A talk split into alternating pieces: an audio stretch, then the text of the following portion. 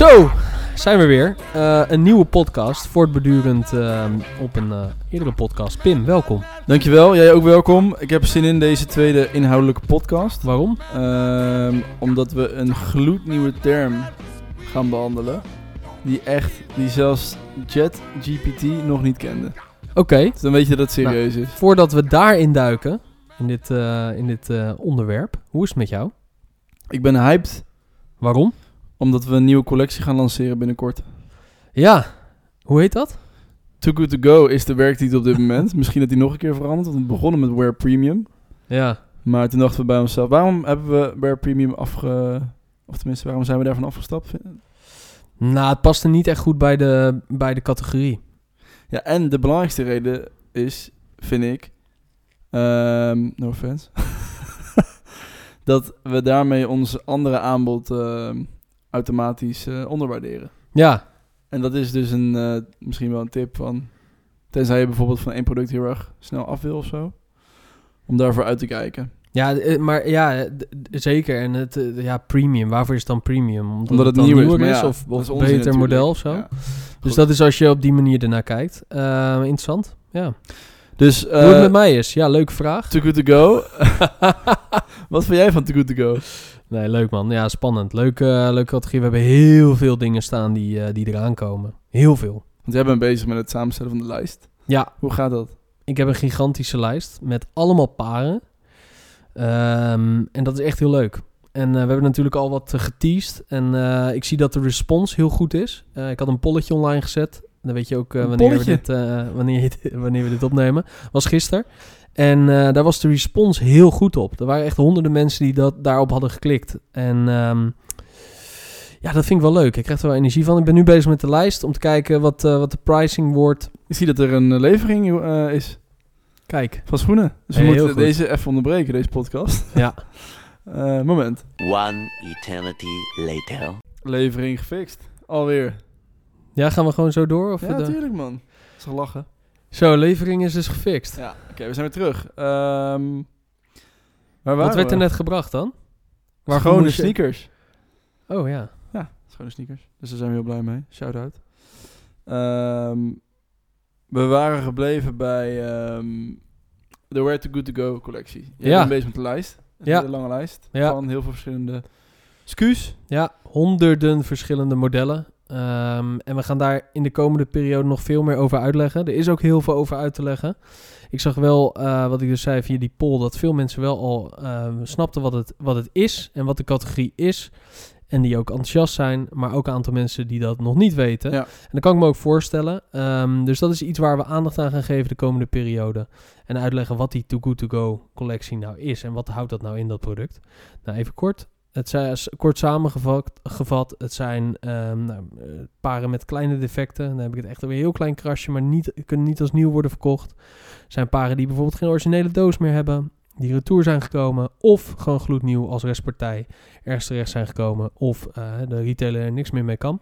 Ja, en die worden normaal Dat de oude gesproken collectie vernietigd. is. Ja, die, die verdwijnen. Ja, Ja. ja. ze vernietigd. Of ja, ze verdwijnen gewoon. En eh, we zijn de afgelopen periode gewoon hard aan de slag gegaan met eh, retailers. Om ja, onze handen te krijgen op deze stroom aan schoenen. Want het zijn allemaal goede schoenen. Die allemaal nog gedragen kunnen worden. En dus ook voor een aantrekkelijke prijs gekocht kunnen worden. En eigenlijk gewoon praktisch nieuw. Maar eigenlijk ook weer niet. En ook weer een soort van eerstehands, maar ook weer niet. Want het is eigenlijk tweedehands. Het zijn niet door de retailer worden verkocht. Dus eh, ja, heel interessant. Ik ben heel, heel benieuwd hoe onze, naar onze eh, klanten eh, daarop gaan reageren. Maar ik denk dat het heel tof is. Want, Rete eh, benieuwd. ja, en onze pre-loved collectie blijft natuurlijk ook gewoon nog bestaan. Daar zijn we ook gewoon nog mee bezig. Wil je nog iets kwijt? Nee, laten we beginnen. Ik wil nog wel iets kwijt. Oh, ja, jij? ja. Nou, Ehm, ik wil even de actualiteiten duiken ook, want er zijn in Rotterdam twee nieuwe eh, tweedehands winkels geopend. Dus nee, wil ik sowieso even aandacht geven in deze Wat leuk. podcast. Dat is Rejuice. Ja, Eh, die is boven de Xenos bij eh Karel Doormanstraat. is reduce, denk jij? Of is het reuse? Alleen met een J. oh ja, misschien wel. Maar als je het in Engels uitspreekt, is het in J natuurlijk een J, toch? Rejuice. Ja. Ja, Misschien is het ook Reduce. Dat zou wel dubbel zijn. ja. Goed, anyways, je kan daar shoppen. Nou, fun fact. PostNL komt natuurlijk bij ons eh, de orders ophalen elke dag. En daar zag ik altijd de dozen van reuse eh, of rejuice in staan ook in die bus, want die zit in Ridderkerk blijkbaar. En toen bedacht ik me altijd, wat is dat dan? Maar we hebben best wel eh, tof, eh, tof producten en ook mystery boxes en Ja. zo, volgens mij waar ze groot mee zijn. En die hebben nu dus een eigen winkel. Ben je Ja. er al geweest? Ik ben er nog niet geweest. Ik ben wel van plan heel binnenkort langs te gaan. Ja. Ook om even te kijken of ze misschien wat wear eh, patta's willen verkopen. Ja. Ehm, ze hebben wel een store in Leiden, zag ik. En dus nu eentje in Rotterdam. Dus ik wens de boys sowieso heel veel succes ermee. Ga er langs. En het tweede is dat ook een andere winkel is geopend.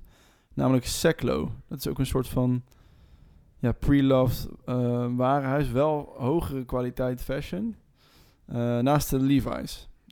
Oké. Bij de Albert Heijn daar zo. Zijn dat dan meer designer items Ja. die wat hoger in prijs zijn, maar vaak ook beter van kwaliteit? Ja, en ook het is ook wel meer een idee om eh, een, een verhaal te vertellen, narratief.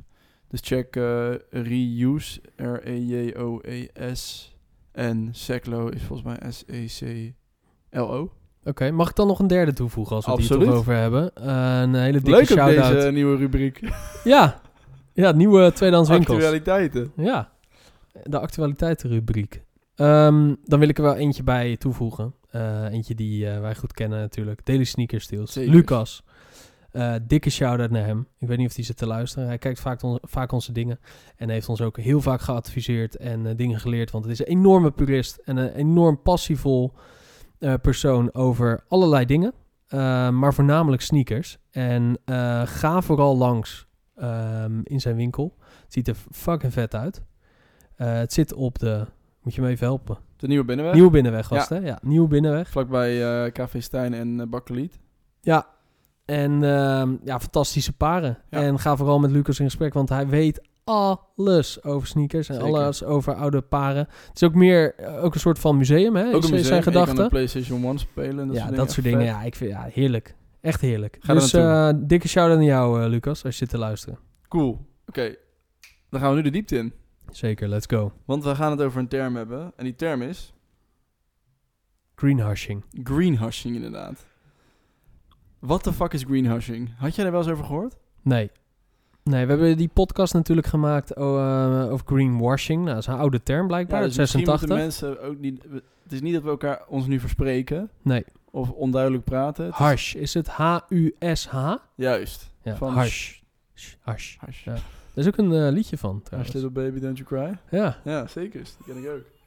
en nog meer volgens mij wel. Ehm, en dit gaat over greenhushing. En ik zag hem voor het eerst op de Good On You app. Die hebben we natuurlijk getipt als website om te bekijken of merken duurzaam bezig zijn. In die greenwashing podcast, Ja, die je misschien wel even moet luisteren voordat je hierin stapt. Anders heb, uitstekend idee. anders heb je het idee dat we ons constant verspreken. Ehm, want we gingen van greenwashing, waarin het ging om... ehm, ja, die, die, ik moet eigenlijk die, die definitie weer eventjes hebben van Jay Westerveld. Westerveld, ja, 1986 in zijn essay. Toen hij als essay, ja. eerste gebruikte. Eh, in de ieder geval, het greenwashing gaat in term. ieder geval om dat claims worden geda- gedaan over duurzame bedrijfsvoering die dan niet blijken, niet waar blijken te zijn. Maar we zijn nu op een punt beland waarbij bedrijven zo bang zijn voor de greenwashing backlash, dat ze liever helemaal niks meer zeggen over de praktijken. Dus ze trekken eigenlijk hun groene keutel weer in. Ze trekken eigenlijk hun groene keutel weer in. Hele mooie metafoor. Maar eigenlijk ook weer om zichzelf te redden. Juist. Om er eigenlijk, weer be- eh, eigenlijk zichzelf weer beter voor te doen dan dat ze eigenlijk zijn. In plaats van daar transparant over te zijn. Inderdaad, dus ik wil eventjes de post van uh, Good You erbij pakken. Ehm, daarin staat: Greenhushing is a new buzzword for lingering problem, fashion's dangerous lack of transparency. Ehm, Oké, dus after years of pressure from activists, consumers and people across the industry, governments are finally taking steps to regulate the fashion industry. Dus er komt steeds meer regulering en wetgeving. Goed voorbeeld is natuurlijk de UPV. Staat voor uitgebreide producentenverantwoordelijkheid. Ehm moeten we nog even bespreken trouwens in een andere podcast. Ja, nee, zeker. Dat, eh, dat komt weer op het lijstje.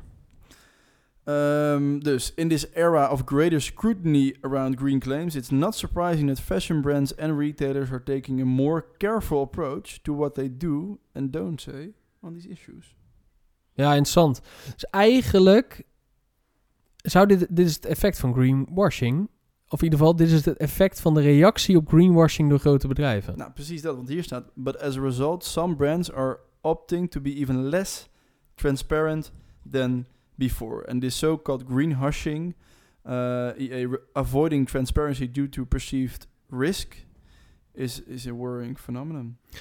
Verpla Pim, verplaats jij jezelf eens in de schoenen van eh, een, nou ja, een sustainability director ehm, van een groot merk? Snap jij deze beslissing? Ehm, Advocaat van de duivel. Ik denk, ik weet niet of het een bewuste beslissing is, maar ik denk onder druk van, van aandeelhouders en eh, constante backlash en negatieve publiciteit, dat ik heel goed begrijp dat eh, mensen voorzichtiger zijn met het doen van bepaalde claims. En een concreet voorbeeld hiervan is, is dat, ehm, even kijken, ASOS is een bekende online eh, retailer in de fashion. Ehm, In Nederland zeggen we wel eens ASO's, maar ASOS. dat is iets anders. ASOS. ASOS, ja. Um, it went from publishing incomplete information about its labeled responsible fast fashion products to deleting all of those web pages, which now return 404 page not found errors. Hmm. Dum, dum, dum. Ja, interessant. Wat kan jij je verplaatsen, advocaat van de duivel, in die managers? Ja, als ik hierover nadenk, dan ehm, wil ik even een, een stap terug en heel even beschouwen hoe zo'n wereld in elkaar zit. Dus dan heb je, heb je het over de wereld van ehm corporate. En in de wereld van corporates is, is één ding eh, het allerbelangrijkste. En dat is ehm, Shareholder value? nee, eh, risico's. Dus wat doen wij en hoe voorzichtig zijn wij in het maken van, eh, van beslissingen, sowieso. Maar ook in het, in, ja, in het claimen van dingen.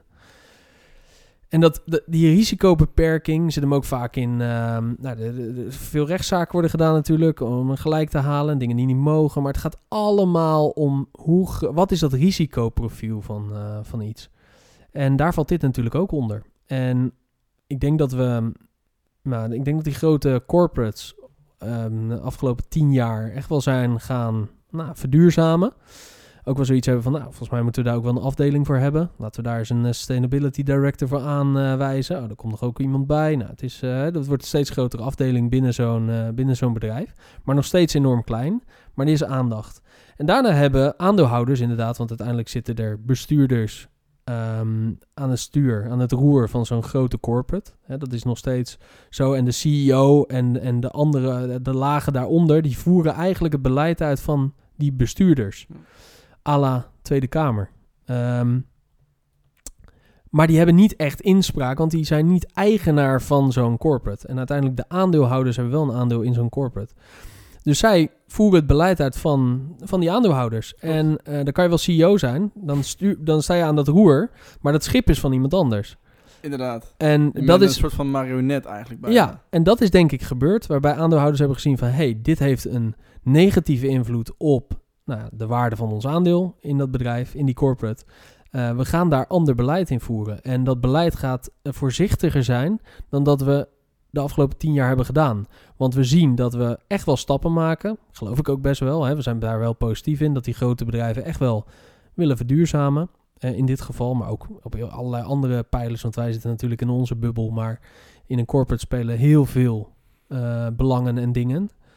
En eh, nou, hebben gezien van, joh, dit heeft wel dit heeft eigenlijk een negatievere impact als we open zijn of eh, communiceren, dan dat we voorzichtiger zijn en minder transparant. Maar Dat staat dan- los van het oordeel of dat goed of fout is, hè? Mhm. Maar even gewoon beschouwend van hoe dat dan misschien achter de schermen zou kunnen werken. Maar is het dan, denk je dat het het pleasing gedrag is van de CEO's of van de manager richting dus de shareholders? Dat zij denken van ik wil niet mijn eigen positie in gevaar brengen. Dus kies ik ervoor om dit beleid door te drukken eh, in het gehele bedrijf. Eh, Vanuit de aandeelhouders? Nee, vanuit de, Oh, vanuit, de, de, de CEO mensen- of, ja, eh, de- of, chief financial, Ja. chief sustainability officer of iets dergelijks. Ja, maar die kunnen heel veel willen, maar uiteindelijk, dat weet jij ook, uiteindelijk trekken, trekken toch, de, ja, daar heb je niet Ja. heel veel te willen. Want uiteindelijk is de, aandeel, de aandeelhouders van zo'n bedrijf, en dit zijn natuurlijk wel allemaal ehm, beursgenoteerde bedrijven veelal, Ehm, maar daar is het bestuur toch, ehm, ja, daar komt een strategie uit en een, en een, en een, een beleid. En die moet je dan wel als ja, CEO, CEO, of wat, ja, dan, wat voor chief dan ook, eh, Ja. met wat voor titel daarachter. Zou je toch moeten uit, eh, of je nou chief financial officer bent of sustainable of eh, whatever. Ehm, je moet het uitvoeren. En ik denk, dat er, ik denk dat er een periode aankomt waarbij bedrijven voorzichtiger gaan zijn. En minimaler in hun communicatie over hetgeen wat ze doen. En als ze het doen, dat ze het dan echt goed doen met gegronde data en onderzoek. Ja, en we moeten ook niet Dus vergeten als we kijken en even inzoomen op die shareholders, dat dat n- meestal niet de meest vooruitstrevende mensen zijn, die ook nog vanuit een ander denken komen, ook van een andere generatie. Ik wil niet generaliseren natuurlijk, maar dat zijn niet, nog niet de mensen in onze generatie of in de Generation Z-generatie die de lakens uitdelen. Het is vooral de boomers of daarvoor nog. Ja, ik heb honger. het is net voor de lunch gelukkig. Dus. Ehm, die, eh, die denken van, eh, die misschien toch wel een mentaliteit beginnen te ontwikkelen van, joh, het is toch nooit goed. Of wat we ook zeggen, het maakt toch niet uit wat we Nee. doen. En dat is denk ik wel echt heel gevaarlijk. ik probeer me wel eens. ehm, ja, dat is, het is zeker, zeker gevaarlijk. Maar ik denk dat, ik denk dat we hierna dan een waarde. Nee, gaan discussiëren over wat, Ja, wat dat dan voor gevolg heeft. En wat we daar dan van vinden. Maar ik ben wel benieuwd hoe jij daar ook over denkt. Maar ik verplaats me wel eens in die aandeelhouders. In zo'n ehm, nou, in zo'n zo'n zo'n grote tafel, weet je wel. Waar dan van die, eh, nou, die- meestal... Die succession scènes, zeg maar. Ja, maar wat oudere, vaak mannen, eh, grijze mannen, witte mannen, eh, de, de dienst uitmaken, of in ieder geval de aandeelhouders zijn. Ehm, dat is nou eenmaal zo. En eh, ja, of wat, wat we daarvan vinden, even los daarvan. En dan probeer ik me wel eens te verplaatsen in. Nou, daar is. eh, nou, we moeten hem nog een keer eh, onderbreken. Postbode? Een postbode. Waar vindt dan iemand godverdomme bij die deur dan? Doe dat er maar in. Hey, hallo. Ja, top, dankjewel. Jij ook.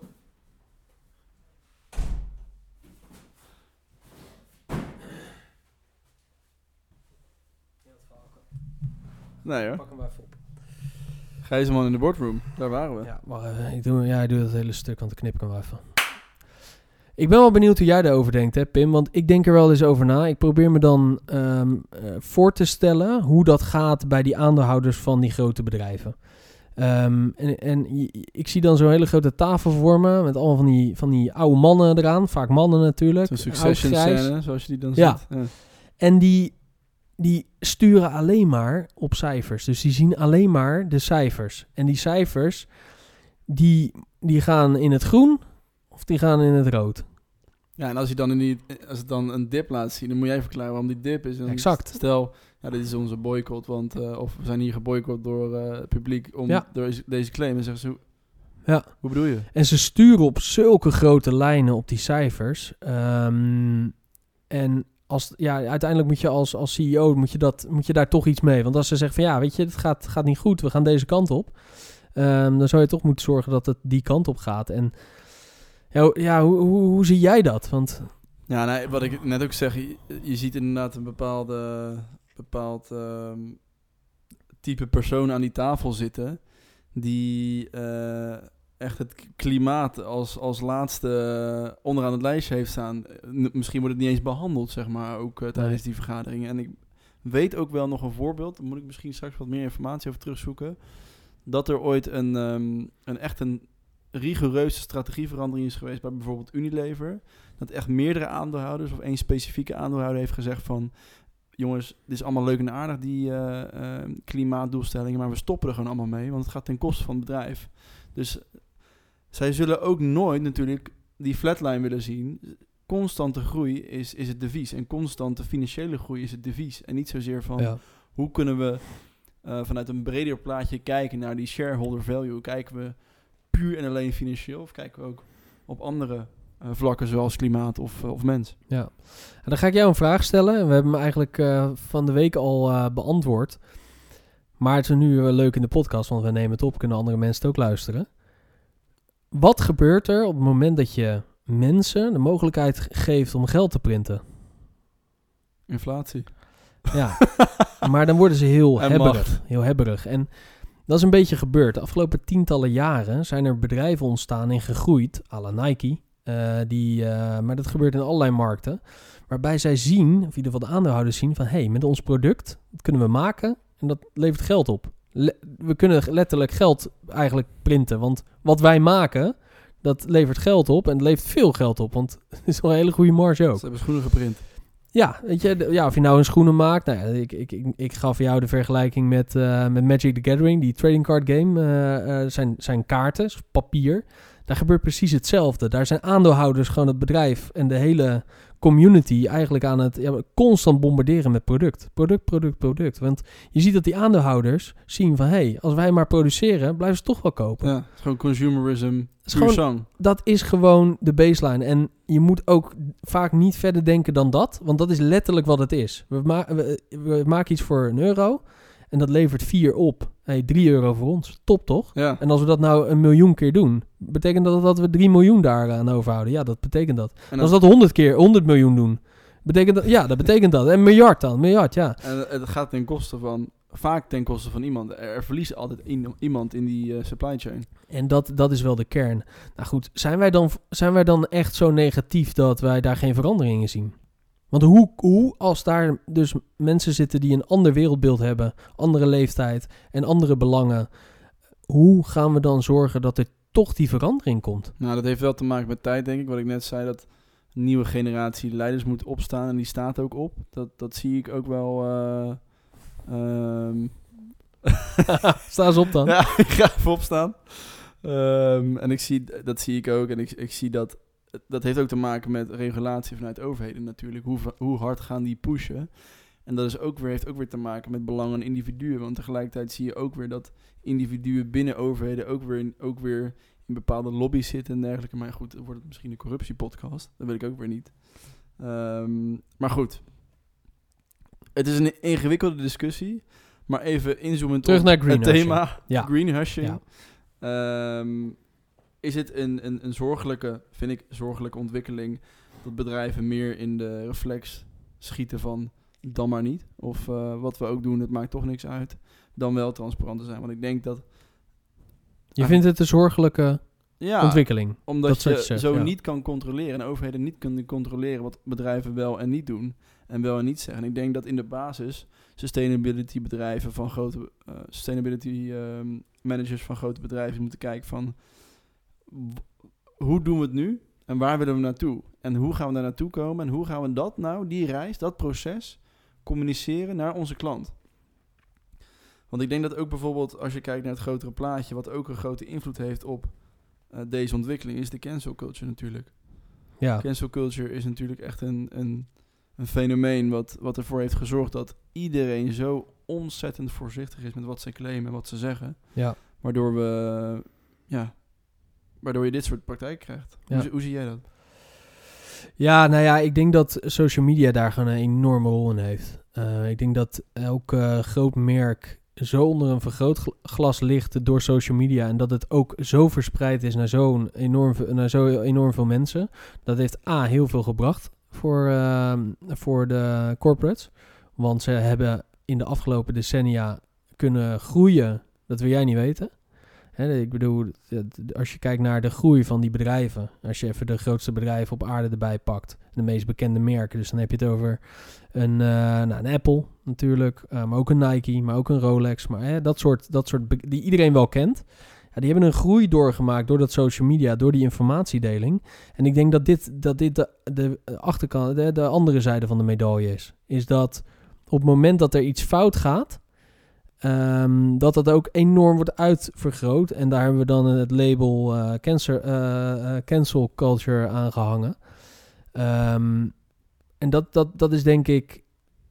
Ja, dat is denk ik wel het gevolg van social media en informatiedeling, die veel Ja. sneller is. Je kan, je kan binnen, een, ja, binnen een dag kan je gemaakt zijn, maar ook gekraakt. Je bent ook veel voorzichtig in, in de dingen die je zegt. En vroeger was het nog wel eens dat je gewoon zei waar, wat in je opkwam. Maar tegenwoordig is dat niet meer wat het is. En dat is aan de ene kant op zich goed, want we moeten rekening houden met mensen. Aan de andere kant kan het ook een soort van automatische filter worden.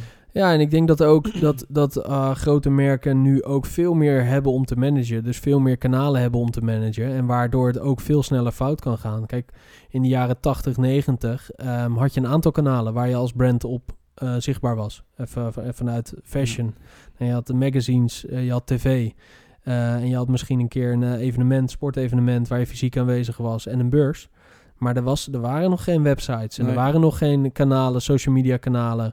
Ehm, en nu zijn, is vooral online... Ja. is er zo'n breed palet aan kanalen. En dan heb ik het... eh, Online is een kanaal hè, aan zich. Maar ik bedoel, online heb je natuurlijk... nou, alle social media kanalen. Dan kan je er misschien al 10, 20 opnoemen. eh, onderhouden natuurlijk. Ja, en heb je al je, al je websites, heb je al je retailers, die hebben allemaal vertakkingen. Dus je ziet ook dat Nike heel erg naar zichzelf toe weer is gegaan om, om dat onder controle te houden. En we zien ook bij andere merken dat dat niet gebeurt en dat die dat weer niet eh, onder controle hebben. Dus, Wel eh, mooi, want ik, ik zit hier natuurlijk weer op, met mijn laptop. Want we willen natuurlijk wel wat, wat dingen zeggen die ook hout snijden. en in lijn met wat jij zei... Dat doen we over- alleen maar toch? oh ja, over die CEO vind ik wel interessant. Ik zie, zit hier op de, de Washington Post website.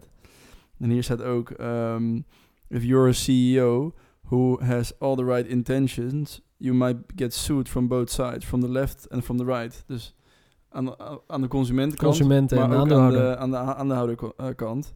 En dat is, eh that's, that, that's not good news if you want to convince more CEOs to get active on climate. Dat is precies wat die ontwikkeling is. En waarom het zo gevaarlijk is, is dat ze zien dat steeds meer van die CEO's, die willen wel, maar die zijn, die, die zijn hartstikke bang. Moeten we naar een Chinees model? Kijk, in China zit in eh, elke bedrijf zit gewoon een, eh, een overheids, eh, een overheidsrepresentative. Als, jij in, als jij in China zaken wil gaan doen, dat is prima. Dan krijg je een overheidsrepresentative en die, representative en die zit in jouw, ehm, ja, in jouw bestuur. Zouden we dat in Europa of in de US ook moeten doen? Is dat er iemand de belangen behartigt van eh, nou ja, de overheid, de maatschappij, hoe je het wil noemen? Nou, ik vind het wel interessant om na te denken over een soort van. ehm, want dat gaat ook een beetje, is ook een beetje in lijn met. ehm, eh, hoe noem je dat? Ehm, het kiezen van een, een rechtsvorm. En ook hoe je, je je statuten inricht. Want dan heb je het over bijvoorbeeld een. Ehm, dat noem je ah, hadden we het er ook wel eens over toen de tijd. Over een bepaalde stem in je, tijdens je aanhoudersvergadering die heel veel waard is. Ehm, ik weet, even de naam niet meer. Ehm, en bijvoorbeeld het, ehm, het nieuwe model van, van eh, het, het, het delen van aandelen. Dat noem je ook wel ehm Steward owned. steward-owned inderdaad. Waarbij iedereen daarin meer gelijk wordt. En waarbij, er ook, waarbij het ook zo kan inrichten dat er één stem is. Een soort van neutrale klimaatstem Ja. eigenlijk op, aan tafel bij, eh bij je aandeelhoudersvergadering. dus daar zou ik, sta ik wel positief tegenover, oprecht. Ja. Jij? Ja, nee, ik denk dat je dan in een, in een eh, nog moeilijkere discussie komt. En dat is, ehm, dat heeft ja, te maken met politiek, met bestuur, met wat voor rol heeft een overheid en wat voor economie. Hè? Is, eh, wat is, is het eh, kapitalisme? Is het, eh, wat voor economie leven we? Dus dan ook weer advocaat van de duivel vanuit het perspectief van die aandeelhouders van die bedrijven. Ja, weet je, daar hebben we gewoon honderd jaar hard voor gewerkt. Ja. Zeg, Wat, waarom heeft de overheid iets te vinden van hoe wij dingen doen?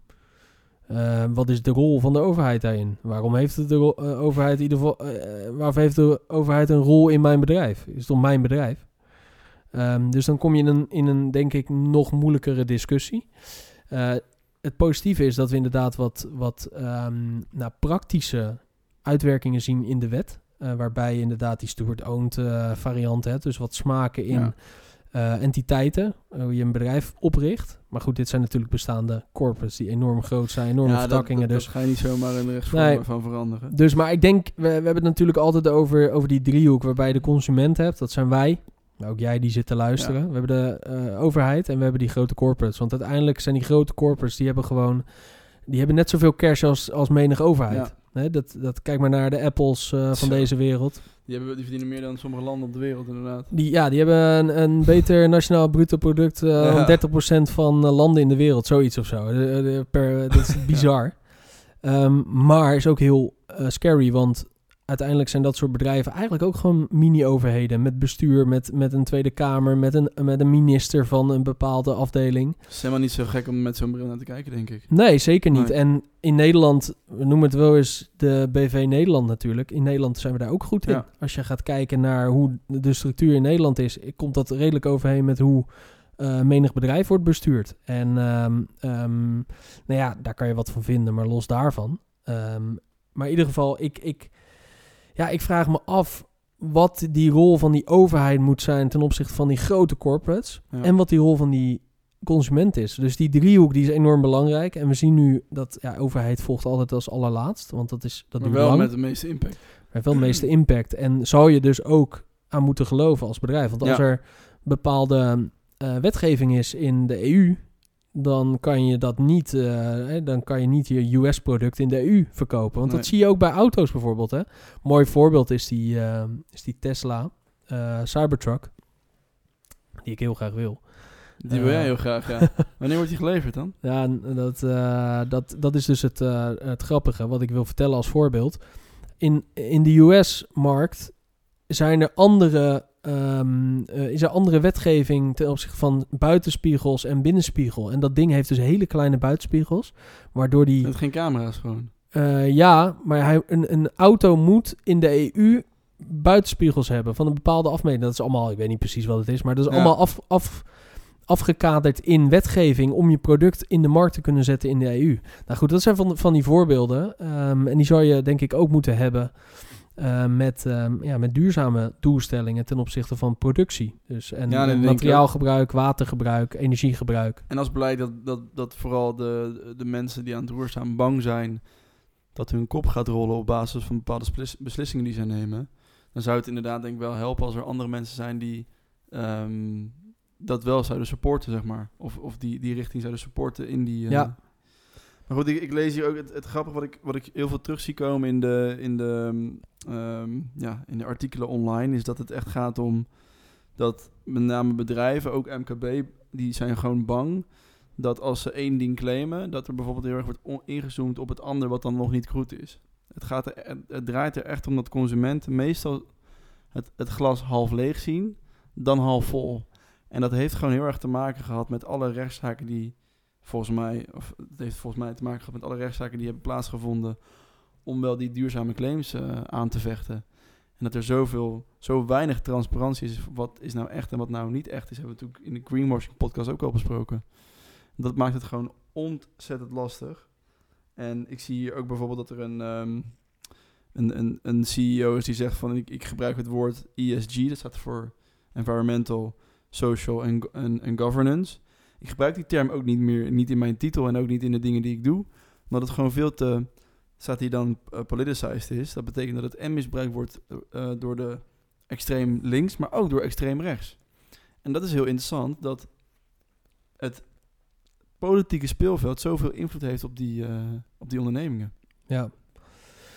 Ja, soms als we het hierover hebben, dan vraag ik me wel eens af, is er wel een oplossing? Hè? Want het, zijn, het zijn zulke complexe problemen, uitdagingen, wie je ze dan noemen als je positief bent.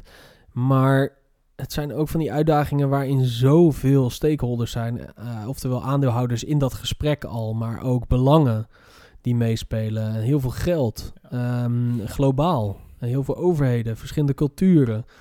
Ehm, tijdzones. ja, nee, maar ik bedoel, van, het is zo complex. En Ja. dit is maar één probleem. Ik maar bedoel, wie, is, wie is nou het grootste slachtoffer in, in dit thema, denk jij? Als je het over het greenwashing. Wie is de allergrootste verliezer? nou, dat, dat, dat is de consument. Ja? Ja, dat denk ik Waarom? wel. Nou ja, ik denk dat als je als... ehm, waar is de consument eigenlijk? Als ik er langer over nadenk. Ja, dat is nou goed dat je er lang over nadenkt. Neem de tijd ook eventjes.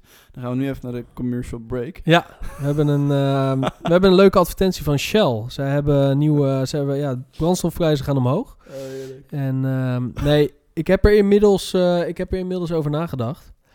Ehm, ik ga wel consument zeggen, want dan kan jij daarna iets anders zeggen Heel misschien. goed, ja. Consument, denk ik, want uiteindelijk wil je als consument de juiste keuze maken. En ik denk dat nog steeds de verantwoordelijkheid altijd bij het individu ligt.